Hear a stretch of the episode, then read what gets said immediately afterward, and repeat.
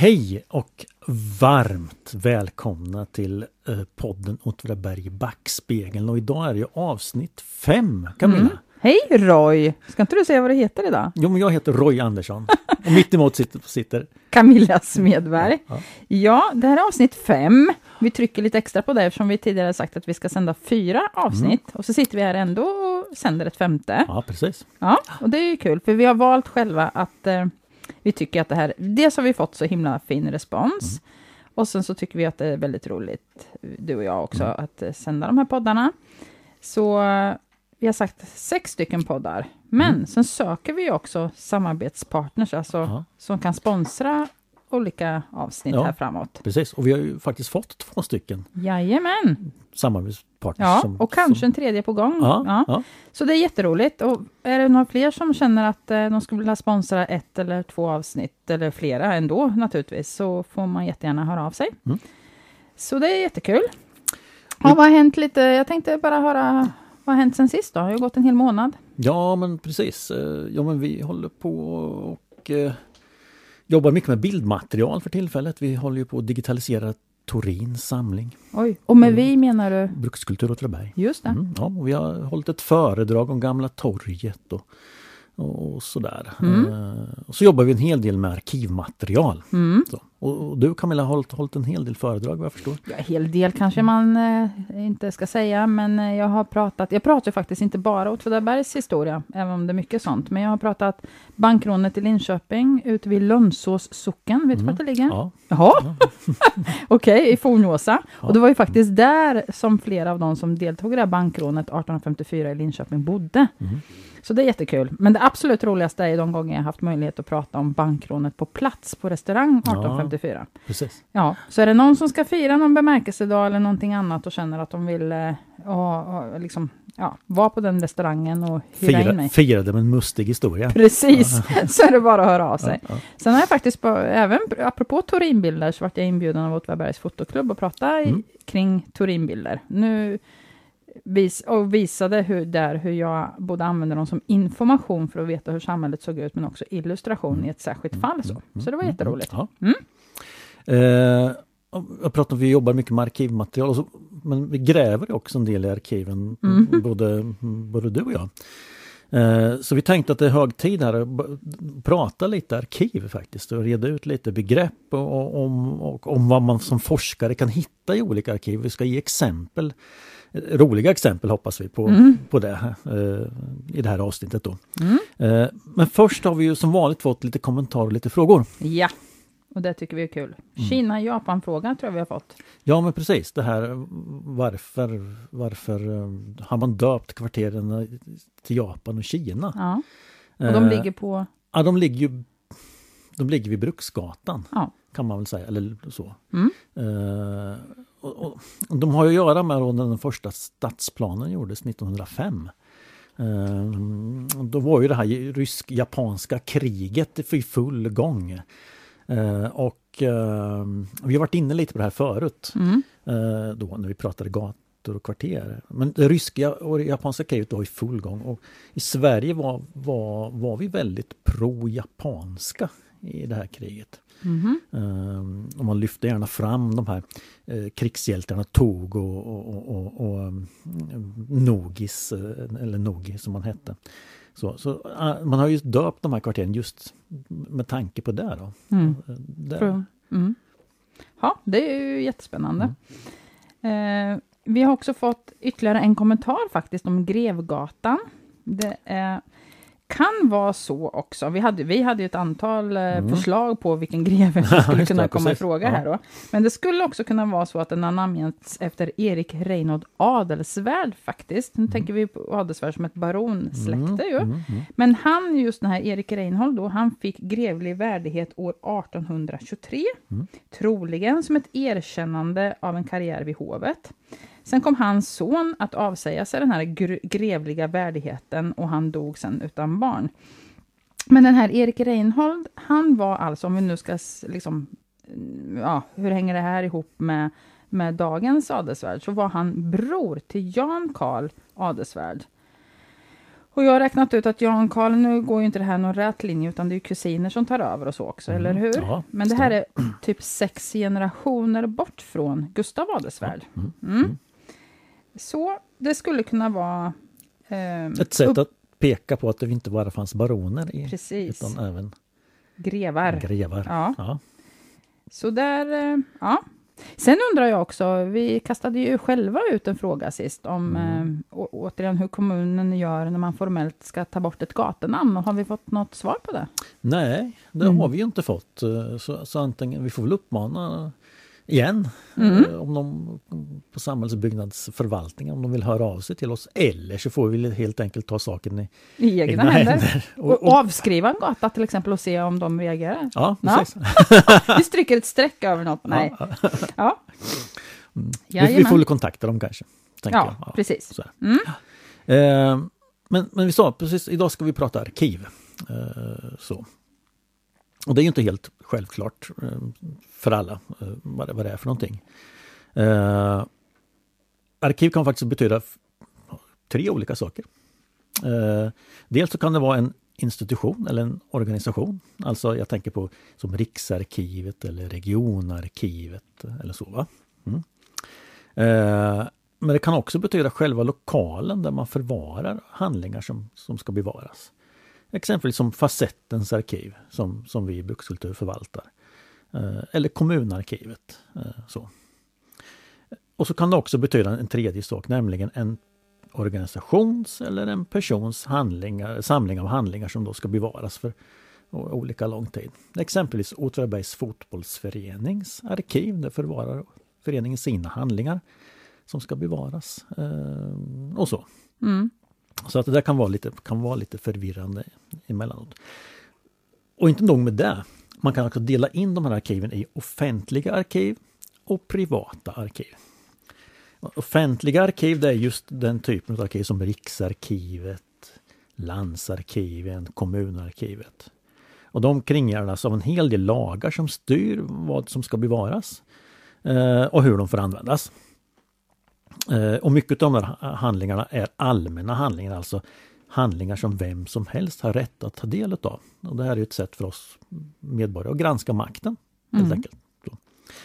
Eh, men så finns också privata arkiv, sådana arkiv exempelvis som vi förvarar i Facettens arkiv. Det, eh, och de styrs inte alls av några lagar nästan. Eh, så, där, så där kan man egentligen de flesta arkivhandlingar kastas. Mm.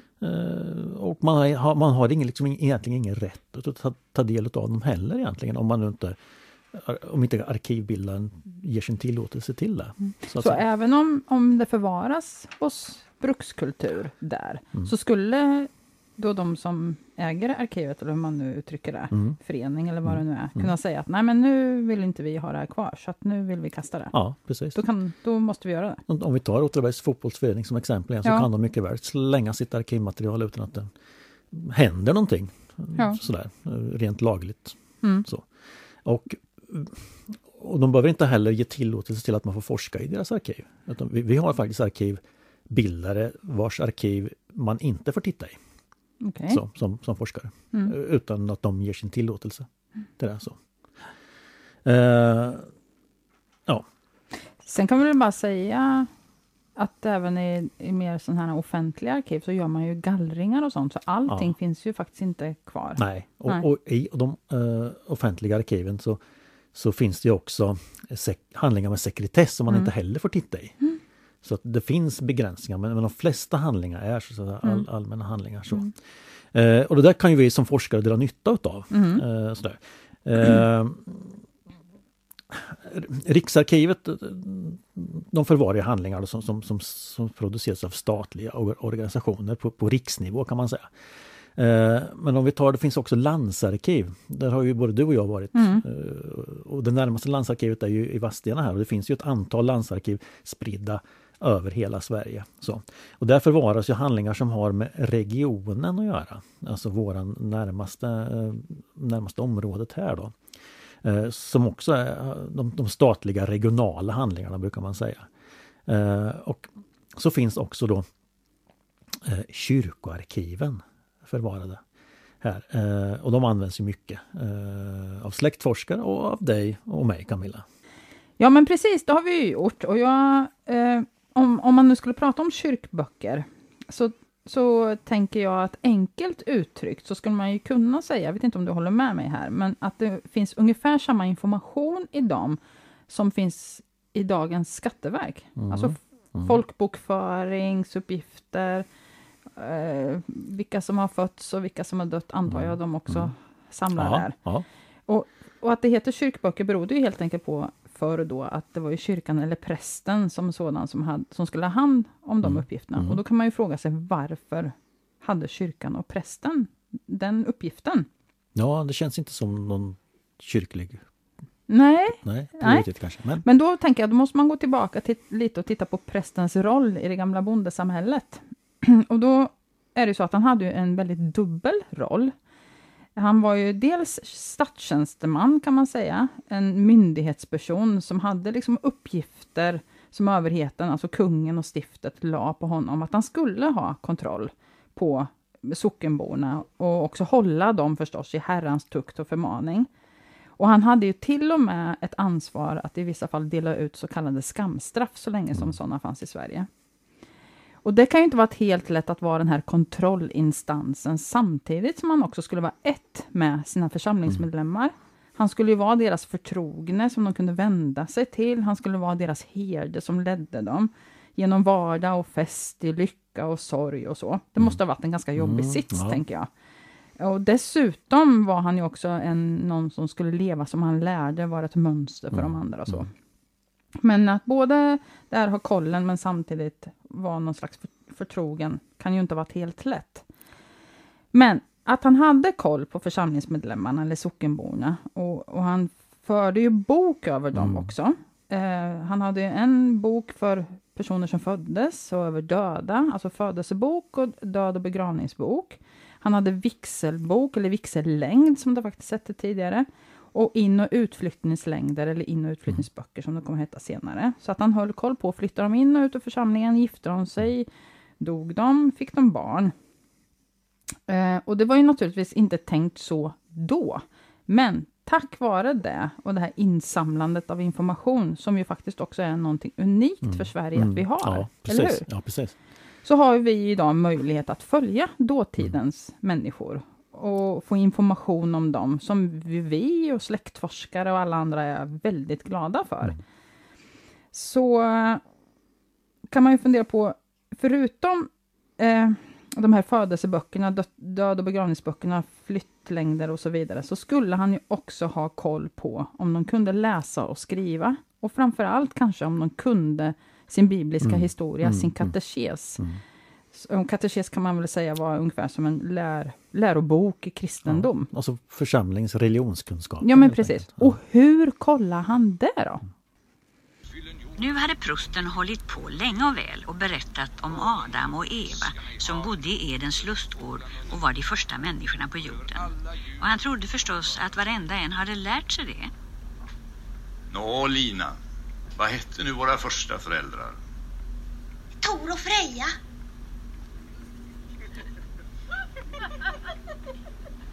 Emils mamma skämdes när hon hörde vad Lina sa. Jo, för Tor och Freja, det var ju ett par gamla gudar som folk i Småland trodde på under den hedniska tiden.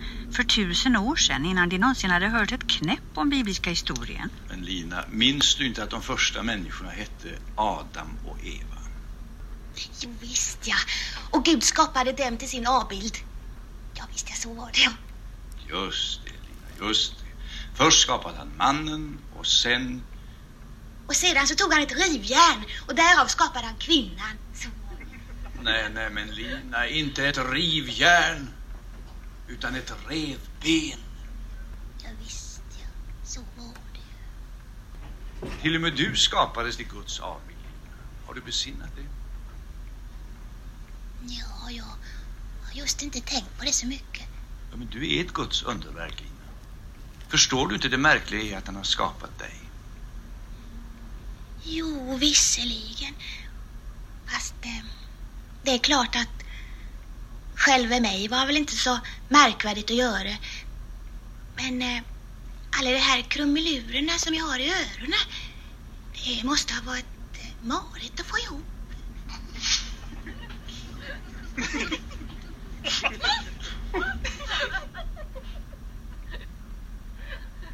Stackars Emils mamma, hon tyckte det var som om hela Katthult skämde ut sig när Lina svarade dumt. Emil. Ja, och den här sekvensen är ju hämtad från filmen Nya hyss av Emil i Lönneberga som är producerad av SF Studios. Och det känner du igen, eller hur? Jajamän. Det är barndom. Mm, mm. Och precis så gick det ju ungefär till. Alltså att han, det är ju det som kallas för husförhörslängder. Alltså prästen höll husförhör med sockenborna. Man samlades hemma hos någon eller i någon eh, jag vet inte om man var i kyrkan eller i någon annan typ av Ja, församlings... Någon större lokal. Ja, Ja, flera familjer så. Mm. Eh, och apropå de här krumelurerna i öronen så är ju faktiskt Lina inte så himla illa ute. För prästen skulle ju nämligen inte bara kontrollera att de kunde sin bibliska historia, så fylla i det i husförhörslängden då, och att de kunde läsa och skriva och sådana saker. Utan han skulle även kolla, hälsotillstånd, lyten, psykisk sjukdom, vaccination mot smittkoppor. Och han kontrollerade ju också att alla i hushållet var närvarande. Och checkar ju av mot födelsebok och vigselbok om någonting hade hänt sen sist. Alltså hade det tillkommit någon eller hade det fallit ifrån någon? Eh, och att alla datum och hit och dit stämde då för respektive familj. Eh, och sen fyller han i det här, familj för familj. Och det är ju det här som gör att vi kan följa människorna i de olika böckerna. Vi kan få reda på om de flyttade in i församlingen, var de bodde, vilka familjemedlemmarna var, om de flyttade, om de gifte sig, om de dog och vad de Ja. dog av. Och sen blir vi ju alltid väldigt extra glada om det finns en liten anteckning i anteckningsfältet. Mm. Och det tänker jag att vi blir glada, men de, De- som det fylldes Nej, var nog inte så glada. Nej. För det är där vi får lite extra information, för annars är det ju ganska statiska uppgifter. Men det ger en möjlighet att följa personer. Och första gången jag... Kommer du ihåg när du tittade kyrkböcker första gången? Mm, det var när jag läste historia. Just det, Mm. det är ju samma sak för mig. Jag skulle skriva en uppsats i historia och det här var 1990. Och den skulle handla om personer som hade varit i Amerika och sen som kom tillbaka till Åtvids socken. Ofta så hade de också flyttat härifrån Åtvid till Amerika, men det var inte alltid så. Men de kom hit i alla fall mellan 1874 och 1910. Och syftet var ju att se vilka det var som, ja, om de hade lyckats eller om de hade misslyckats i Amerika. Om det, skälen var till att de kom tillbaka då. Så jag följde ju dem egentligen från födelsen tills de flyttade och sen när de kom hem och tio år framåt i tiden. Och det gjorde du med hjälp av kyrkböckerna? Precis, då följde jag ju dem precis på Mm. det sättet att jag kunde i inflyttningsboken se att de kom från Amerika och så kunde jag se där var de bosatte sig. Mm. Och så kunde jag gå till liksom, eh, husförhörslängden, Mm. den sidan, och, och hitta dem där. Och så kunde, där fick jag ju också information om när de var födda. Ja. Och då gjorde jag att jag kunde gå till födelseboken. Så Mm. det är lite, ja, det är ju liksom en, lite vägar man har att gå där. Och det är också ett väldigt plockande mellan böckerna då. De flyttar ju, alltså jag tror att det har funnits i alla fall, jag tror inte det finns längre, men någon föreställning om att det gamla bondesamhället var väldigt orörligt och statiskt. Och det kan ju möjligen stämma när det gäller självägande bönder som, som liksom eh, bodde kvar vid sin jord. Mm. Men de flesta ägde ju inte mark, Nej, utan de kanske arrenderade eller jobbade som piga och Mm. dräng och så vidare. Och de flyttar ju något helt galet Ja. mycket. Man blir ju tokig på dem till slut. Jag- en gång varje år i hopp om att hitta någonting bättre. Ja, och sen verkar liksom, de verkar ha haft ett fönster öppet där någonstans i oktober som gjorde att de flyttade. Så Mm. Ja. att det är väldigt så flyttande inom socknar och mellan Mm. socknar. Det som var häftigt när jag skrev den här uppsatsen då, som, som inte gäller idag, det var ju att arkivmaterial fram till 1896, det var ju kvar i Åtvi. Mm. Det fanns ju i pastorsexpeditionen, eh, i det här alltså gamla magasinsbyggnaden på Stenhusgatan. Problemet med det var ju att om jag hittade en person som, som flyttade mellan socknarna, så hade ju även de andra socknarna kvar sitt arkivmaterial hos sig. Så var det en person som flyttade till Gärserum, så skulle jag ju i praktiken egentligen behövt bege mig då till Gärserum Ja, för att titta. Så det var ju väldigt ja, svårt, svårarbetat. Så det gjorde ju att det var fantastiskt när de sen samlade ihop hela regionen Ja. i Vadstena. Så mycket enklare. Så mycket enklare. Sen var det jättehärligt att, att åka till pastoratet och bläddra i böckerna där, absolut. Men det var ju verkligen toppen när, när materialet blev samlat. Men jag hade ju också folk som jag inte kunde följa vidare, därför att de flyttade till Malmöhus län, Ja. eller till Gävleborgs län. Då hade jag behövt åka till Lund eller Härnösand. Mm. Så när digitaliseringen sen kommer, alltså att eh, man digitaliserar alla kyrkböcker, mm. Alltså det, och, och, då är det också så att man tar ju kort på kyrkböckerna, så det är autentiskt material och ja. vi kan nå det via datorn ja. och vi kan följa människor över hela Sverige. Mm. Det är ju helt galet bra. Ja. Um, och apropå, måste jag bara säga, jag tänker på den jag skrev, den här uppsatsen, C-uppsatsen som det var då. Mm. Apropå teknisk revolution, jag skrev ju alla mina uppsatser, det låter som jag skrivit jättemånga, mm. men jag har skrivit kanske fyra. Mm. Alla de skrev jag ju på skrivmaskin. Ja, för att då var det liksom inte aktuellt med dator. Jag kom, min kompis då, Sissi, hon införskaffade en dator när vi skulle skriva C-uppsatsen och det var ju bara jätte wow. Jag tänkte ja. jag kommer aldrig skaffa en dator, det verkar jättesvårt. Men jag skrev på skrivmaskin. Mm. Och inte, jag hade ju inte ens en egen skrivmaskin, utan jag skrev ju den hemma hos min dåvarande eh, svärmor, Maja. Mm. Och satt hemma hos dem där. Och sen så vid något tillfälle här mellan uppsatserna så skaffade hon ju en ny skrivmaskin. En mm. sån här som, som man kunde sudda om man upptäckte. Ja, två, två rader Två rader bakåt! Ja, ja, och det var ju helt fantastiskt, för innan hade man ju suttit då, du vet, med Tippex. Mm. Och sen så kunde man ju inte vänta till Tippexet torkade, utan man skrev för tidigt, så fick man upphöjda, sneda, fula bokstäver. och så höll man ju på att klippa ut och skrev om någon rad och klistrade över och hade sig. Mm. Och när jag skrev min sista uppsats, min D-uppsats i historia, så gjorde jag det inom något som heter tema hälsa och samhälle vid Linköpings universitet. Och där var de nog lite tidiga, för att de höll på mycket med kvantitativ, alltså mm. forskning, mm. historieforskning. Så att de höll på att räkna och sådär, och där var de tidiga, ha datorer. Ja. Så när jag hade skrivit den här D-uppsatsen, så sa min handledare till mig att allt var klart. Han hade läst den flera gånger och ja, men det var bra och så där. Och så skulle han läsa en sista gång. Och så säger han till mig, ja men jag tänker det här, det här liksom delen som du har här på sidan två, den skulle ju bli faktiskt mycket bättre om du väntade med den till din, din sammanfattning. Och jag kommer ihåg, jag tittade på honom, är inte du klok? Då får jag ju skriva om ja, allting. hela uppsatsen får jag ju skriva om om jag ska flytta på det. Och han bara, jaha, nej, nej, men, nej, men då behöver du inte göra det. Mm. Och så tänker man idag, vad tar det? Fem ja. sekunder att klippa ja. ut ett stycke och flytta och på det? Ja, det är ju helt galet. Mm. Och det var kyrkböckerna. Sen gräver jag ju ganska mycket också i en annan typ av material som också finns i Vadstena och som mm. inte är digitaliserat, nämligen domboksmaterial. Just det. Och det har jag ju pratat om flera gånger här förut. Mm. Och jag tror att jag har nämnt då att om kyrkböckerna, precis som jag sa innan, innehåller bra men väldigt kortfattad information, mm. så är ju domboksmaterialet betydligt mer utförligt. Mm. Eh, och tillsammans med flera andra socknar så ingick ju Åtvids socken i Bankersins härad. Så hade man gjort sig skyldig till någonting kriminellt så kallades man ju då till Bankersins häradsrätt i Fillinge tingshus.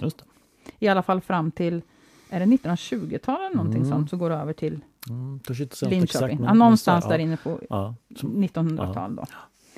Så de här, det här liksom domboksmaterialet innehåller, vill du säga något nu? Nej, nej, jag bara tänkte som, som forskare så, så kan det bli lite knepigt för var, beroende på var någonstans ja. i Åtvidaberg brottet begås. Aha. Så kan man antingen bli ställd till Bankekins häradsrätt eller till Gamleby om det är norra Tjust. Just det. Eller Kinda. Jättebra! Ja, ja för, det har jag ju faktiskt råkat ut för. För, för ja. de här eh, häraderna, alltså det gränsar ju på något sätt. Just här. Det. Vi lever i någon slags gränsbygd här. Ja. Nej men det stämmer. Ja. Mm. Oftast kan jag ju säga, jag tänkte inte på det nu när jag sa det, för att ofta så är det ju bankersin ja. som gäller, men du har helt rätt i, ja.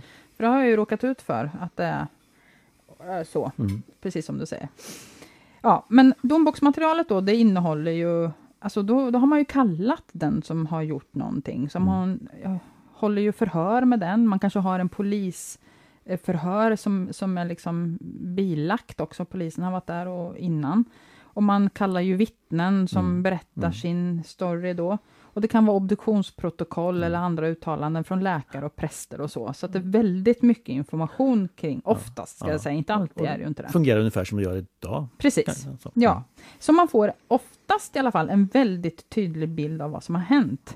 Och det som är speciellt med det här materialet är också att ofta så skjuts det ju upp till kommande ting och sådär, så man får ju också även här följa och leta och det mm. finns ingen innehållsförteckning i de här domboksmaterialen, man får ju bläddra igenom rubb och stubb mm. för att hitta. Mm. Mm. Däremot om det skjuts upp så säger man ju att det, att det kommer återkomma till och, vilket datum liksom det ja. kommer upp igen då. Men här får man ju väldigt mycket information och ofta är det på platser som är bekanta. Så det är därför jag tycker att det, det blir så speciellt att läsa mm. om de här mm. sakerna. Och det var också i en uppsats som jag kom i kontakt med det materialet för första gången. Jag skrev en, en uppsats om brott och straff i Åtvid socken 1869 till 1870. Och det innehöll ju, ja, jag hittade ju en, en rad olika händelser och mycket sån här olovlig utskänkning mm. av alkoholhaltiga drycker, fylleri, ordningsbrott, sedlighetsbrott. Du sökte alltså vilka typer av brott som hade begåtts? Jag gick igenom, ja. på de här två åren så gick jag igenom alla brott som hade ja, hänt ja, i Åtvid, mm, för att se mm, vad var det för mm. typer. Och så hade man ju då tidigare forskning som visade vad som var det vanligaste. Och så, så kopplar jag det till också till vad fick man för straff och se och så, om det här stämde. Och jag tänkte jag skulle berätta om en sån här, mm. hen, ja, vad jag, en, ett exempel, ett exempel vad jag hittade då, okay, ja. för just 1869-1870. Och eh, då försätter vi oss lite här i en stämning, tänkte jag. Mm. Men det är torsdagen den 21 april år 1870. Och våren har äntligen kommit till mormorsgruvan när Gustav Jeremiasson, som är torpare i Storkestorp, lägger ekan i sjön och ror ut. I sjön Gällen. Vintern har varit tuff igen. Förvisso så blomstrar ju kopparproduktionen i Åtvi. Förra året, för det här är 1870 nu men förra året, år 1869, så nådde den ju toppenresultat. Tusen ton koppar utvann man. Och det är ju glädjande för flera av gruvorna ligger ju här, just i mormorsgruvan. Men vad hjälper det en gammal torpare, eller stackars torpare? Det har ju varit missväxt i tre år. 1867, 1868 och 1869. Dåliga skördar som har lett till svält, sjukdom och för tidig död. Men de har klarat sig bra ändå.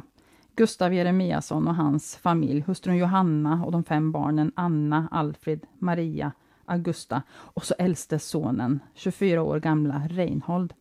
Reinhold som för drygt ett halvår sedan själv blev far minsann till en liten pojke. Tänk att Gustav har gått och blivit farfar. Så framtiden är säkrad. Reinhold kommer ju att ta över arrendet och sen hans son och sen hans son efter det. Några timmar senare så återvänder Gustav. Han är nöjd, fångsten har faktiskt blivit rik det räcker med fisk till kvällsvarden. Och när han har ungefär en 5 till 10 meter kvar till badstugan som ligger nedanför Storkestorp, där han ska förtöja båten, så ser han något vitt i vattnet, ungefär på en meters djup. Så han ror närmare och tittar ner i vattnet och där får han en chock. För på bottnen av sjön så ser han resterna av ett nyfött barn. Han glömmer fisken och ror snabbt in till land och rusar in till hustrun Johanna. Och när han har påkallat hennes uppmärksamhet så springer han vidare till Tomasbo. Där vet han nämligen att de på eftermiddagen ska hålla aktion och att åklagaren förmodligen kommer att vara på plats. Men åklagaren är bortrest. Och de på auktionen hon lovar när de hör vad som hänt, lovar att återkomma och hjälpa Gustav att få upp barnet. Och sen tidig kväll så ror de ut, ut, ut på sjön igen, får upp det lilla barnet och lägger i en av bodarna. Och samma kväll så skriver också Gustav ett brev till kronolänsman Petrus Karlsson, där han berättar om sitt fynd och sina misstankar. För sex månader tidigare, den 25 till 27 oktober, så hade de haft hjälp av pigan från Backom, Sofia Lovisa Augusta Åberg. De hade haft hjälp med sin linberedning. Och han drar sig nu till minnes att hans dotter Anna, hon hade hittat blod i sängen och på avträdet och man hade inte tänkt så mycket på det. Men nu kommer han också ihåg att torparen i Backom, Björkman, han hade misstänkt att pigan var gravid och han hade frågat henne flera gånger och även Katarina, hans hustru, hade frågat, men hon hade nekat. Alltså pigan hade nekat till varje gång hon fick frågan. Och Gustav hade nog själv upplevt henne lite fet och plufsig, men hon hade ju arbetat på väldigt bra. Hon kom vid skymningen den 25 oktober och den kvällen hade hon jobbat till halv tio. Och dag två så hade hon jobbat från tidig morgon till åtta på kvällen och den tredje dagen tidig morgon till halv nio. Sen den fjärde dagen så hade hon gett sig iväg tidigt, klockan tre på morgonen, för hon skulle vidare till ett annat torp och hjälpa till med slakten och sen skulle pigan då återvända till sina föräldrar i Åtvidsnäs. Men nu tänker han på det här igen och skriver då till Petrus Karlsson att han tror att det är pigan som, att det är hennes barn som de har hittat då.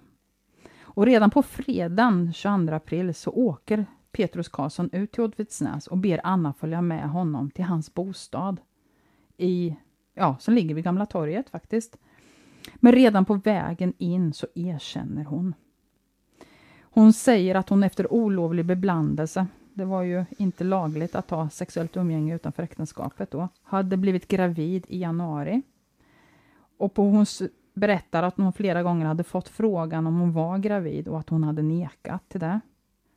Och sen berättar hon att den andra kvällen hon var vid Storkestorp i oktober, hade, då hade Gustav Jeremiasson och hans hustru Johanna gått och lagt sig vid åtta tiden.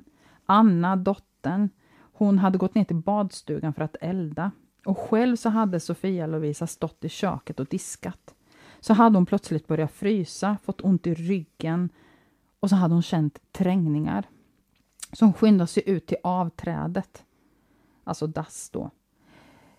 Och det hade regnat hela dagen och temperaturen hade nu sjunkit ner till noll. Så jag kan tänka mig att hon huttrande med sjalen svept kring sina axlar sprang ut när hon får en ny verk hon hinner inte ner till avträdet utan stående mot grindstolpen så föder hon ett flickebarn som ramlar mot den våta och smutsiga marken. Och hon kan inte säga om det ramlade ner med fötterna eller huvudet före. Hon tittar ner mot barnet som är helt orörligt och helt ljudlöst. Hon hör inte att det andas. Och hon tänker att det måste vara dött. Och det är först då som hon menar att hon får ingivelsen att göra sig av med barnet för att dölja sin graviditet. Så hon tar upp det med hjälp av förklädet och hon går ner till sjön och ställer sig på en sten precis utanför badstugan där då Anna befinner sig där inne och kastar ut barnet så långt hon kan. Sen sköljer hon förklädet och tvättar händerna och går upp och lägger sig och hinner lagom släcka innan Anna kommer tillbaka. Och efter en stund så behöver hon gå ut på avträdet igen och gör det, så går hon in och lägger sig igen. Och under natten så kryper Anna, som då ligger på golvet, upp i hennes säng för att, för att värma sig. Men de säger ingenting till varandra under hela den här tiden. Och dagen därpå så fortsätter de med linberedningen fram till halv nio på kvällen och ingen märker på Sofia Lovisa att hon natten innan har fött ett barn. Mm. I maj år 1870 så står hon då inför tinget i Fillinge. Och eh, Gustav Jeremiasson, hans hustru och dottern Anna, Björkmans från Backom och en dräng från Backom, de är allihopa vittnen och ger sin beskrivning av vad som har hänt. Ungefär som jag har berättat mm. här nu då. Och bifogat finns också eh, distriktsläkare, tror jag, eller i alla fall läkare, Dan Danell, hans obduktion av barnet. Och han säger att det finns ingenting som bevisar att barnet var vid liv när det kastades i sjön. Med största sannolikhet, säger han, så har det aldrig andats med den högra lungan, det kan han se. Men den vänstra lungan kan han inte yttra sig om, för den var alldeles för hårt angripen av röta. Utslaget, alltså den dom hon får, är efter olovlig beblandelse så har hon då blivit gravid. Hon har nekat till det här, hon har fött barnet, hon har kastat det i sjön och man kan inte fastställa att det levde. Och hon får straff för läggande och lönn av foster. Alltså hon har fött ett barn och försökt att dölja det. Och hon får nio månaders straffarbete. Och eh, under tiden så förpassas hon återigen, där hon tydligen har suttit innan då, till länsfängelset innan den här domen blir verkställd. Och det här är ju 1869 som hon, som hon då gör sig skyldig till det här. 1870 så döms hon och bara några år tidigare, 1864, fram till det så var det faktiskt dödsstraff på mm. att ha gjort sig skyldig till mm. barnamord. som kanske inte alltid blev utdömt så. Och hade det nu varit att, så att man hade kunnat säga att, att, att hon hade haft ihjäl barnet, så hade hon förmodligen fått mellan två till fyra års fängelse. Mm. Ja, det där var ju en synnerligen förskräcklig, tragisk och hemsk historia det där Camilla. Ja, verkligen. Mm. Ja. Eh, alltså, jag, jag tänkte återknyta lite grann till det här eh, kyrkboksmaterialet, husförhörslängder och sånt. Mm. Eh, i, när, vi, när vi jobbar med historia i brukskultur så, så brukar vi ju eh, nyttja det, eh, det källmaterialet ihop med annat material, exempelvis det som då finns i, i vårt eget arkiv, Facettens arkiv. Eh, och där finns ju två riktigt stora privata arkiv, nämligen Åtvidabergs Kopparverks arkiv och Facit ABs arkiv. Och kyrkboksmaterialet eh, har vi använt mycket ihop med Åtvidabergs Kopparverks arkiv, för där finns eh, väldigt nogsamma räkenskaper. Eh, alltså alla, alla, alla personer som har haft någon förbindelse med Kopparverket finns upptagna i det här. Eh, jag tänker på löner, uttag utav, utav livsmedel och sånt. Och de här räkenskaperna är fantastiskt noggrant för det. Eh, bland annat så hade bruket ett eget bränneri. Mm. Eh, där man då brände brännvin eh, i storleksordningen ungefär 60-70 000 liter per år under mitten på 1800-talet och, och framåt och så. Då måste jag bara fråga, sålde man av det? Eller, ja, ja. ja alltså dels det beror lite grann på lagstiftning hur den gäller men Eh, antingen så kunde man ta ut det i form av lön under vissa år. Eh, under vissa år så fick man inte göra det utan då var man tvungen att köpa det. Så, men, men, men det gick alltså till arbetarbefolkningen mm. framförallt, eller befolkningen i Åtvidaberg ska jag väl säga. Mm. Så, ja. Jag tänker det här tangerar ju ändå det här, när du, när du berättar om det här fallet med han som var onykter. Ja, ja. ja precis. Ja. Så det gick åt mycket brännvin och brännvin var ett väldigt, väldigt många personer drack väldigt mycket brännvin. Det, det, det framgår av de här handlingarna. Ja. Alltså, faktiskt, ja. ja. Eh, men inte bara det, eh, utan i den här bränn, räkenskaperna för bränneriet så kan man läsa ut en hel del roliga saker. Bland annat då eh, att man då bokfört en 1848 exempel som har bokfört en fru Linton som då fått ersättning för det, så har hon skärt pomerans Eh, Eh, alltså som man då använder för att krydda brännvinet bland annat.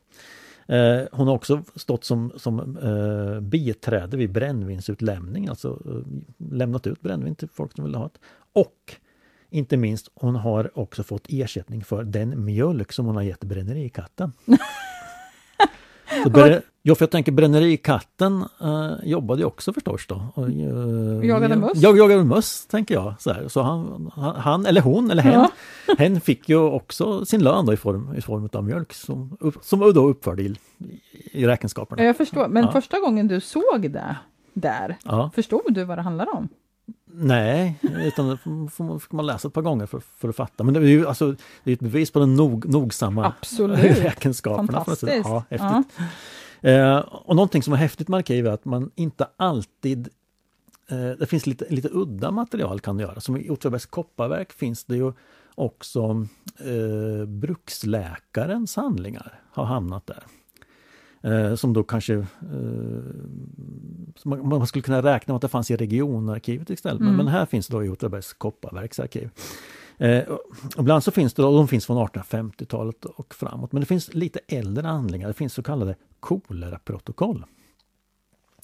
Eh, koleran det var ju alltså en av 1800-talets mest fruktade sjukdomar mm. och drabbade Sverige då, framförallt i, i tre stora epidemier. 1830-talet, 1850-talet och 1860-talet. Eh, 1834 då, den, riktigt stora eh, epidemin fram dog nästan 12, ja, eh, kanske mer än 12 000 personer i hela Sverige. Så. Eh, så här skriver då en, eh, en läkare som heter Karl Ulrik Sondén i sin skrift Råd mot kolera enligt egen, egen och andras erfarenhet. Och den här, just den är från 1834. Mm. Han skriver så här. Kolera igenkännes lätt. Efter mindre häftigt och långvarigt illamående, påkomna häftiga uppkräkningar samt tillika häftig diarré av lika beskaffenhet. Ur, urinsavsöndringen minskas eller avstannar, pulsen blir låg, svag, okännbar. Först armar och ben, sen övriga kroppen. Till och med tungan kallnar. och blir blå. Den dödar under det att ansiktet sammanfaller och vanställes. Ögat slocknar, ryggen och lemmarna stelna, armar och ben blir marmorkalla. Nej men herre ja. Hoppas inte någon sitter och äter och lyssnar på det här nu. Nej, precis. men kolera är alltså en diarré och kräksjukdom? Ja, precis. Ja. Det är en, eh, en magsjukdom på så ja, sätt en att, att man eh, förlorar all kroppens vätska. Ja, men precis. Helt enkelt. Ja, så småningom. Ja. Och, och, och, det sprids och med förorenat vatten? Ja, ja, och det visste man nog inte 1834 Nej, när han skriver det här, utan mm. det kom, på, kom man på långt senare. Mm. Men vad man visste var ju då att man skulle försöka skydda sig från det här och mm. att det var en, en fruktansvärd sjukdom. Mm. Eh, så att och det, här, det här sköter man på ett speciellt sätt här i Åtvidaberg. Och tack mm. vare då brukssamhällets struktur, att man har, har en bruksledning som bestämmer i stort och smått, så kunde man alltså vidta radikala åtgärder här i Åtvidaberg för att undgå den här sjukdomen. Eh, och det hela styrdes då dels av bruksledningen och dels av någonting som kallas för sundhetsnämnden. Alltså en sammansättning av personer som hade till uppgift att, att se till eh, så att koleran inte fick fäste här. Mm. Så. Och vart finns de? Det är inte i Åtvidaberg de utan de jo, är med, jo, jo. jo, de finns. Det är en särskild sundhetsnämnd för Åtvid socken. För att de måste ju också fått någon information, för att jag tänkte att det tog ju sån tid på den tiden ja. att få veta saker som var på gång i hela landet. Ja precis, och, och, och just 1834 så trodde man då att kolan inte hade fått fäste i Sverige. Okay. Man, man hade tackgudsägelser och sånt. Uh, och sen för att sen ett par månader senare upptäcka att kolan hade fått fäste. Mm, och den, därför att den, den fanns i andra länder? Ja, ja, precis. Och den spreds alltså i, som, som, som mycket annat ifrån hamn, in, hamnarna i, i Sverige. Det här, I det här fallet så var det från Göteborg mm -hmm. och så eh, utöver övriga landet. Då. Men i Åtvidaberg så vidtog man radikala åtgärder. Eh, socknen spärrades av helt och hållet. Eh, man satte ut olika karantänsplatser vid sockengränserna. Vakter sattes ut. Vägspärrar anlades. Och skogvaktarna då, eh, Kopparverkets mm. baroniets skogvaktare utsågs att vakta sockengränsen. Natt som dag. Och de här karantänerna var utifall någon skulle drabbas av kolera? Nej, ja, egentligen att man ville alltså spärra socknen så att, inga, så att inte koleran skulle komma in. Mm, ja, precis, ja, just det. Mm. Ja, Eh, och vid sockengränsens sjöar, alltså där man då kunde ta sig över med sockengränsen med hjälp av vatten, eller vid en sjö då. Där skulle man dra upp båtarna minst 180 meter Oj. från, från mm. vattnet och man rev även vissa broar. Det här skulle ja. verkligen inte någon Nej, komma precis. in med någon kolera. Och de som då befunnit sig utanför sockengränsen och eh, skulle in i socknen var alltså tvungna att sitta i observationskarantän under 5 till 10 dagar. Mm. Så man skulle se att de inte kräktes. Ja, de inte hade någon kolera helt enkelt. Ja, men det här gjorde man 1834, 1830-talet? Ja, och 1834 och 1853. Ja, just det, alltså, båda man, man, det, man gör på ett liknande sätt helt mm. enkelt. Ja. Eh, sen hade man då de, de resande som hade giltigt respass. Eh, de fick passera socknen men för att kunna passera socknen fick de ha med sig en vakt.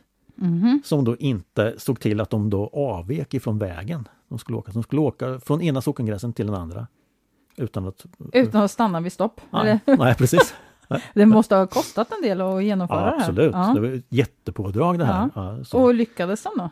Uh, det kanske du ska komma till? Jo, men de lyckades bra. Men mm. grejen var att man, man, tog även, alltså ifall kolen skulle få fäste, mm. så vidtog man även åtgärder för det. Då. Så man utsåg särskilda kolerabegravningsplatser eh, runt omkring här. Så det, det, Därför att man vill också göra sig av med de döda kropparna? Ja, så, fort, de... så fort som möjligt och så långt bort ifrån samhället som möjligt, eller som var lämpligt. Då. Så de här de fanns vid, i, i berg, i någonting som heter Norrgårds gärde. Okay. Eh, det fanns också vid eh, en plats som heter Mohagen vid Örsätter. Och ett gärde in vid Åtvidstorp. Eh, också Önhults södra gärde och vid, eh, och vid Björntorp så fanns det ett, en plats som kallas för Gåsmoen. Där, de platserna så mm. utsåg man till kolera mm. Och nu behöver inte någon bli orolig då eftersom koleran uppenbarligen Nej. aldrig fick fäste här så är det aldrig någon som har begravts Nej, på dessa precis, platser. Precis. Nej.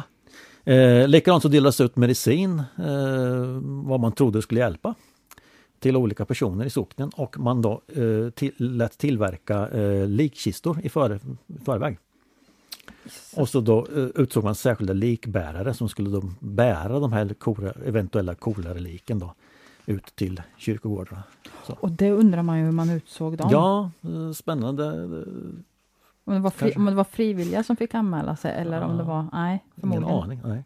Hade de inte fått tag i någon då? Men precis som du sa här mm. förut så, så äh, ledde det här till att ingen invånare vid Åtvidabergs kopparverk eller ingen invånare i Åtvid socken dog av kolera vid någon av de här epidemierna 1834 mm. eller 1853. Mm. Men vet du om någon, någon, annan socken gjorde på motsvarande sätt när man skyddade Nej, sig? Eh, jag kan tänka mig att man ja, på något sätt eh, vidtog liknande åtgärder. Ja. Men, men, här, var, här hade man ju verkligen möjligheten att kunna slå ett lock kring hela socknen på något sätt, avspärra totalt.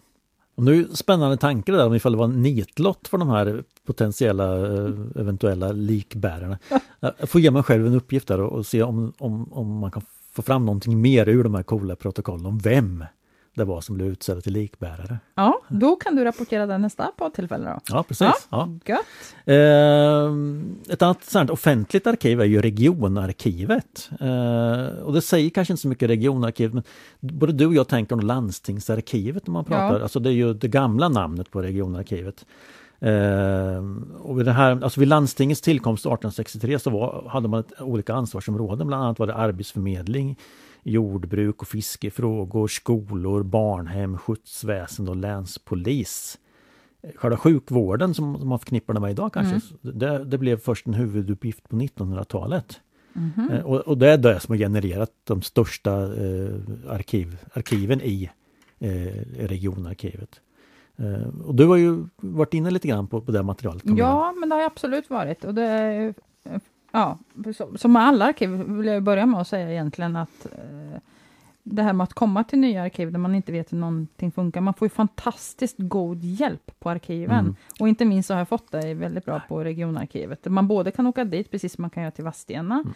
men man kan också ställa frågor via mail och så här och få hjälp med vissa ja. saker. Jag har ju sökt ibland personer som jag vet har hamnat, hamnat på Vadstena hospital. Mm, mm. Så där har jag ju liksom fått sådana ja. inskrivnings och journaler och sådana ja. saker. Eh, eh, säga, mm. det, finns, det finns väldigt många duktiga och bra eh, kollegor, arkivarier ja. runt om i de olika arkiven. Som, som, inte, som, de vill inte annat än att hjälpa folk med Nej. att hitta rätt material. Så. Ja, eller hur. Det är jätte, jättebra. Mm, och mm. det kan vara bra att veta också om man ska åka någonstans och leta efter något. För att det är nog sån utmaning ibland faktiskt att läsa. Materialen. Jag ja. tänker, nu backar vi lite fram landstings, landstingsarkiven, men, eller regionarkiven då, men jag tänker just husförhörslängder och alltihopa det här och domböcker och så. Det är avhängigt många gånger av vem som har skrivit. Ja. Och de gamla husförhörslängderna har jag någon gång hört att det är präst det är prästfrun som ofta kanske skrev, det vet ja, inte jag ja. om det stämmer. så. Men det kan vara mer eller mindre lättläst, så att just få hjälp hur och var man ska leta efter något är ju nog så kommer man ju nog så långt på precis. vägen. Och också få hjälp att tyda ja, faktiskt, ja, när man precis. sitter där. Jag avbröt nu. Nej, det är ingen fara. Men eh, ja, just det. Eh, men Vadstena hospital och så vidare. Eh, jag har också tittat lite i sjukjournaler som rör Åtvids sjukstuga. Någon gång så skulle jag skriva om den och, och tittade just på året 1906. Vad var det för, ja, för sjukdomsfall eller vad var det för, för patienter man mm. fick in till sjukstugan mm, just mm. det året? Och, sjukstugan, då tänker vi den som låg på Sjukhusgatan. Ja, men precis. Ja. Mm. Mitt emot Gustav Adolfshuset. Så fick jag med Gustav ja. Adolfshuset den här ja. gången också. Det är underbart. Ja, men det gjorde det. Där, där sen, idag är det ju ett lägenhetshus, mm. men trean kallades ju det som sen det. låg där. Mm. Men jag tittade just 1906 och mycket är skrivet i sjukjournalerna, alltså sjukdomar på latin. För det första så är det ju mm. mycket sjukdomar förstås som, mm. mm. som folk läggs in för och de är skrivna på latin som sagt. Eh, så att det är lite svårt. Eh, och det, men det som är roligt är att 1906 hade ju, hade ju elektriciteten, det har vi pratat om mm, förut, mm. var ju ganska, eller var ny. Ja, väldigt ny. Väldigt ny. Så här står det ju just det här året, att för många polio och reumatismpatienter så kunde det stå att de får, det står elektricitet, varma bad. Ja. Mm. mm, mm. Så först trodde jag att de fick elektriska stötar eller något, men det de värmer upp bad till dem helt enkelt. Ja. Men det var ju även andra typer av olycksfall. Och, och, det är ju, ibland är det så att det är lite dråpliga saker, så man kan inte låta bli att bli lite full skratt åt dem, mm. men det var säkert inte dugg roligt. Olycksfall är ju även idag dråpligt. Ja. Liksom. Men jag hade en David Kindstrand som var 42 år i Bersbo. Han får en fraktur och blir därefter gipsad då efter att ha försökt sparka upp en grind. Tvåårig, ja, varför gör man det? Han måste ha kanske fått lite brännvin där nere ja, på... Ja. Ja. Tvåårige Axel Valdemar Kindholm får en fraktur efter att ha blivit överkörd av en hästvagn. Mm. Och det är fingrar i hackelsemaskiner och det är förfrysningar i samband med vedhuggning, huggskador vid skogsarbete. Mm. Och frakturer också i hopp över gärdsgårdar. Det är ingen mm. som kommer in med de sådana direkta de, idag. De, de... ja, lite annat. Ja. Och sen är det drängen Valdemar Andersson från Kärstorp som har hoppat över en syrenhäck och fastnat på en avhuggen syrengren. ja. Det, det, är så fantastiskt de här, alltså de här åkommorna, skadorna, olyckshändelserna som du, som du pratar om. De säger ju väldigt mycket om livet som de här människorna levde och vad, och vad de gjorde för någonting. Ja, ja det ger en, en spegling av hur samhället såg ut. Ja. Och framförallt också att man inte hade så mycket skydd i sitt arbete. Nej, precis. Som vi har idag. Nej. Mm. Eh, exempelvis i de här bruksläkarens journaler som, som förvaras i Kopparverkets arkiv kan man se att de skriver ut väldigt mycket brockband, alltså eh, en slags anordning, band eller bälten som man har för att förhindra Eh, att brockskadorna blir förvärras. Eh, mm. Så här, och, och brock får man ju, kan man ju få, jag är inte någon expert, medicinsk expert på det, men jag, jag, tänker att man kan få det utav mycket tunga lyft och dålig arbetsmiljö och så här. Mm. Uh, ja, så, så det, det, ett, ett bra material tycker jag för att se på människors ja. livssituation. På något ja, sätt. ja, verkligen. Uh, vi pratade om Facettens arkiv förut och vi sa, jag sa att vi hade två stora, riktigt stora eh, privata företagsarkiv. Mm. Ena Åtvidabergs kopparverk och den andra alltså Facit AB. Eh, och där står det förstås väldigt mycket om, om produktion och, och, och ehm, sånt utav räknemaskinerna. Men där finns också ett, ett, en typ av arkivmaterial som är väldigt värdefull för forskare, nämligen korrespondens. I det här fallet då företagsledningens korrespondens. Eh, eh och här finns det en hel del intressanta saker, spännande, som kanske inte direkt har med Facit AB att göra, men som har med Åtvidaberg eh, mm. att göra. Eh, bland annat då eh, det som har med fotboll att göra. Just det, ja, såklart. såklart. Eh, alltså ledningen för Facit eller Åtvidabergs Industri, de, de hade en stor tro på, på idrott och framförallt fotboll eh, som någonting gott för, för både företag och för samhället Åtvidaberg. Då. Eh, jag tycker att Gunnar Eriksson, alltså för, företags eh, Gunnar Erikssons eh, citat ifrån som man på 60-talet någon gång i någon tidning, eh, borde ha tagit reda på vilken förstås. Men, mm. så, eh, han säger så här, någonting i stil med att laganda eh, ska man inte bara ha på fotbollsplanen utan även då på fabriksgolvet och i samhället. Mm. Och det är väldigt tydligt vad, vad de tycker om det där. Alltså, fotboll är någonting väldigt bra. Mm. Så. Eh, I slutet av 1940-talet så startade Åtvidaberg Facit, det företag som tillverkar räknemaskiner, ett dotterbolag i Brasilien. Eh, man satsade hårt på, på den sydamerikanska marknaden då. Eh, och chef då blev en man som heter Gunnar Göransson. Han är mera känd som Gunnar Oj Oj Göransson. okay. Därför att han då refererade ehm, eh, matchen Brasilien-Sverige i fotbolls-VM 1950. Han blev så fruktansvärt imponerad av de brasilianska fotbollsspelarna så han sa oj oj oj oj oj oj mellan varje mening. Han tyckte han var så fantastiskt bra. Uh, han var alltså chef för, för, uh, Bra, do, uh, Facit dotterbolag i Brasilien. Nu kommer en parentes för mig, men mm. Var han kommentator i radio eller i TV? I radio. Ja. Så jätteglada lyssnare som hör honom bara säga oj, oj, oj, oj, oj, och jag har ingen aning om vad som händer. Det, det, eller kanske var mellan lite. Ja, precis. Han sa här, sjuan har bollen och han drar och så oj, oj, oj. Och så, ja, okay. han, det, här, det här klippet finns att höra tror jag på Sveriges Radio. Ja. Man kan ladda ner det. Så. Ja. Det är jättebra. Eh, men, men som jag sa så var Sydamerika var vid den här tidpunkten en av Åtvidabergs Industris viktigaste nya marknader. Så. Eh, och det var från, från, Brasilien som då den här expansionen utöver Sydamerika skulle, skulle utgå. Då. Eh, och fotbollsintresset i, i, i, Brasilien var ju allmänt känt i Sverige och nu ska man försöka smida då medan, medan järnet var varmt. Då. Eh, tack vare fotbolls-VM 1950. Så på våren 51, 51 så hade man besök i Åtvidaberg utav det brasilianska laget Flamengo. Mm. Som var på en liten Sverige-turné. Och då, då smider man också planer på en annan sak som då finns eh, bevarad i Facit ABs korrespondens. Och det var alltså planerna för en Brasilien-turné för Åtvidabergs FF. Oj! Mm. Mm. Eh, och det här var tanken då att det var Gunnar Göransson tillsammans med en, den svenska konsuln Per Söderberg och Bengt Johansson från Svenska fotbollsförbundet som då hade dragit fram en plan eh, för det här. Då. Eh, tanken var då att ett förstärkt OFF skulle åka till Brasilien under november månad eh, och spela fem till sex matcher under namnet Facit FC. De skulle... Förlåt att jag skrattar. det är så... ja, okay. ja, de skulle alltså inte spela som Åtvidabergs fotbollsförbund, som Facit FC. Jaha. Ja. Uh, Gunnar Eriksson, då, Facitchefen, han godkände planerna men ansåg då att fyra veckor kunde då räcka med tanke på arbete och den kommande bandysäsongen. Ja. Eftersom, eftersom många av fotbollsspelarna även spelade bandy. Ja. Uh, och den här turnén skulle börja i Rio de Janeiro. Uh, där skulle OF möta det, alltså det storlaget uh, Fluminense. Eh, som också var lagets värdar. Eh, och sen skulle laget fortsätta till Skidefora, tror jag uttalas, eh, där Åtvidabergarna skulle bli hedersgäster och där även Facit hade en, en fabrik för tillverkning. Sen skulle man då åka vidare till Bela Horizonte, Curitiba och Porte Alegre. Oj, oj. Ja, och om det gick bra så skulle man spela en returmatch mot det här storlaget Fluminense sen. Då. Mm. Och matchintäkterna skulle delas mellan OFF och de klubbarna de mötte.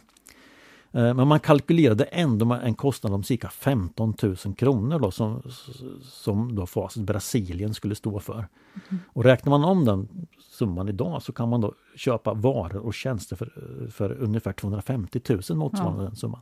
Ganska så det, är, ja, mm. så det är ganska mycket pengar. Och varför blev inte det här av då? Eftersom man har ju, och det kanske du inte vet? Jo, absolut. Ja. ja. Alltså, och grejen var att man, Facit slog på, på stort kring mm. det här. Alltså man menar att man också drar stora PR-fördelar, marknadsfördelar. Eh, och, och, därför att, eller som Gunnar Göransson sa, det finns inget, ingen annan eh, representant, eh, eller det finns, finns liksom ingen annat företag som har ett eget fotbollslag. Nej. Så, och han eh, tyckte att det var hans egna Ja, men på något sätt så, så, så skriver han det ja. i alla fall. Ja. Eh, i det här. Då. Ja. Uh, och det skulle liksom dels skulle vara bra för facit men också vara en fantastisk upplevelse för OF-spelarna förstås. Mm, förstås. Ja, ja, mm. uh, och allting var klappat och klart i, närma, i det närmaste i alla fall när då chockbeskedet kommer att de får inte åka. För att? Nej, alltså, och det var inte Facit som satte stopp för det här utan det var alltså Svenska fotbollsförbundet. Ah. Därför att det här var, OF spelade sin första allsvenska säsong hösten 1951. Och de hade gått så fruktansvärt dåligt. Så att de ansågs inte vara representativa Nej. för svensk fotboll. Usch! Så det var alltså Svenska fotbollsförbundet som satte stopp för det här. Det var inte roligt att Nej, höra. Nej, precis. Så istället då, som tröstpris, eller vad tröst kan man säga, så anordnas sen en turné till Paris, Luxemburg och Bryssel för OFF. Ja. Men det är klart, det är ju inte Brasilien. Nej, det är det verkligen nej, inte. Och det här med, med Åtvidaberg Brasilien har ju en historia faktiskt. Eh, den här Gunnar Göransson han fortsatte att skapa bra relationer mellan brasiliansk och svensk fotboll på många olika sätt. Eh, även då för Åtvidaberg. Och det här ledde till besök av exempelvis brasilianska fotbollslag. Eh, Fluminense var här 1960 och, och, och som liksom crème de la crème, toppen på, på allting, så var brasilianska fotbollslandslaget här 1966 på en enveckas träningsläger eh, inför VM i England. Då. Ja. Fantastiskt! Ja, mm. härligt! Och du, apropå brev, mm. eh, så var det, jag inledde ju det här när vi pratade kyrkoboksmaterial och mm. berättade om den här studien jag gjorde i, när jag läste historia om de som återvände från Amerika. Aha. Då råkade jag också komma i kontakt med en person vars, ja, någon tidigare, alltså släkting långt tillbaka i tiden var en av de här återinvandrarna. Aha. Aha.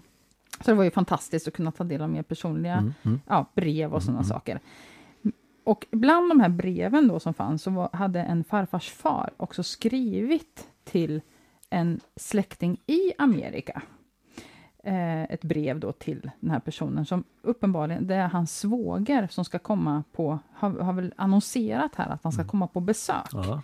Och då skriver han till honom, jag tänkte bara att jag skulle läsa det för ja. dig, för jag mm. tycker att det är väldigt fint också om Åtvidaberg. Mm. Då skrev han, min kära svåger må väl.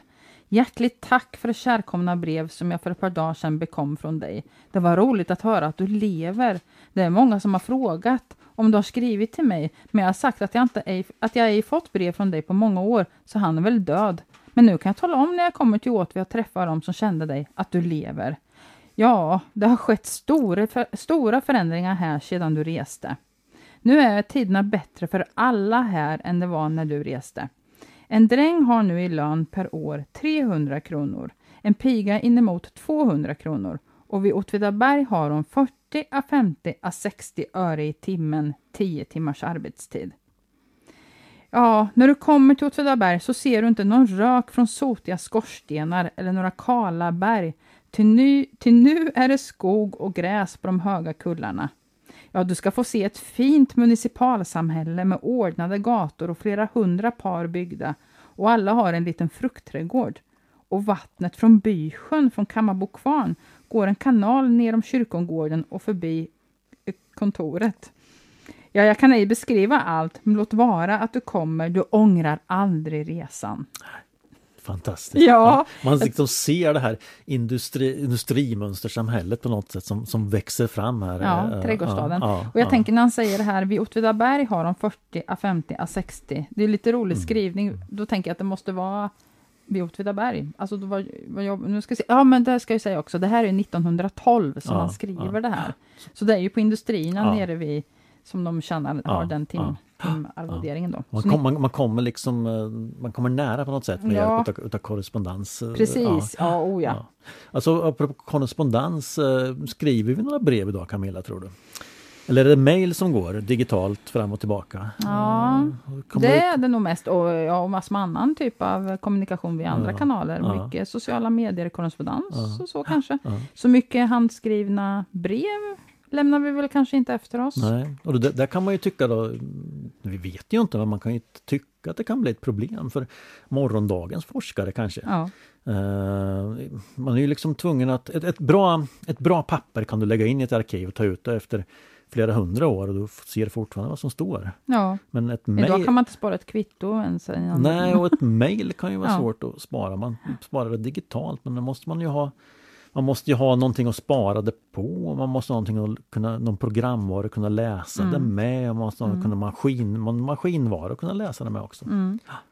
Ja, men jag tänker att det här är väl vad jag förstår häftigt debatterat också, att vi lämnar mm. efter oss väldigt mycket material, men ja. det kommer också vara svårt att, att nå det. Bara det här att vi lägger in saker på disketter som man inte, eller förr gjorde snarare, ja. på disketter som man idag inte kan ha programvara att läsa nej, med. Nej. Så det en... Och att det går så snabbt. Ja precis, mm. det här är den stora utmaningen för arkivvärlden mm. och, för de som jobbar med arkiv. Ja. Och apropå arkiv så finns det ju, det finns ju naturligtvis idag, eller nu här i vår podd, arkiv som vi inte har pratat om. Ja precis, ja. Eh, exempel som vi inte pratat ett dugg om kommunarkivet Nej, exempelvis. Det har vi gjort i och för sig tidigare, ja, för vi har ju varit ja. där och letat en hel del ja. material. Men det är ju också en stor arkiv. Precis, och det kanske vi kan återkomma till vid något annat tillfälle. Eh, så det är ju ett, ett, ett exempel på de offentliga Ja precis, arkiven. och det är ju också ett fantastiskt material med sockenstämmoprotokoll och alla de här typerna. Och, och, och jag tänker för, för nästa avsnitt mm då kommer vi nog behöva grotta ner oss lite grann i kommunarkivet faktiskt. Ja. För nästa avsnitt har vi tänkt skulle handla om...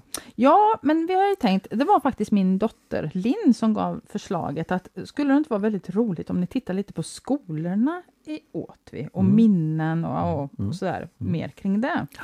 Och när vi har funderat på det här så har vi, har vi tänkt att nej, men det är faktiskt en himla bra idé. Um, Alla har en relation till skolan. Ja. Eh, Verkligen. Mm. Jag har till Långbrott och till Alléskolan här i Åtvidaberg. Du har samma, eller hur? Du har mm. även Sandhagsskolan. Ja, ja, Sandhagsskolan, Långbrottsskolan, Alléskolan. Ja, mm. så det, det vi inte täcker in är ju den där dåliga skolan på andra sidan järnvägen. Ja, ja. Centralskolan. Mm. Nej, vars. nej, men och då, ja, men det, och då tänker ja, nej, men det blir jätte, det tror jag blir roligt. Ja. Och, och, då har vi anledning att dels, det finns ju andra skolor som har funnits i Åtvidaberg som vi bör titta på också. Ja, men vi kan väl titta lite på skolan överhuvudtaget. Ja, historiskt sett. Ja. Kanske vill man dela med sig till oss av mm. sina egna minnen från ja, skolan. Precis, det vore jätteroligt. Ja, ja. Då är det bara att man skickar in det, liksom mm. andra frågor och mm. kommentarer kring det här mm. avsnittet, mm. nämligen till... Man mejlar till podcast. Ja, och då var ju det här allt för idag, eller hur? Ja. Då säger vi hej då!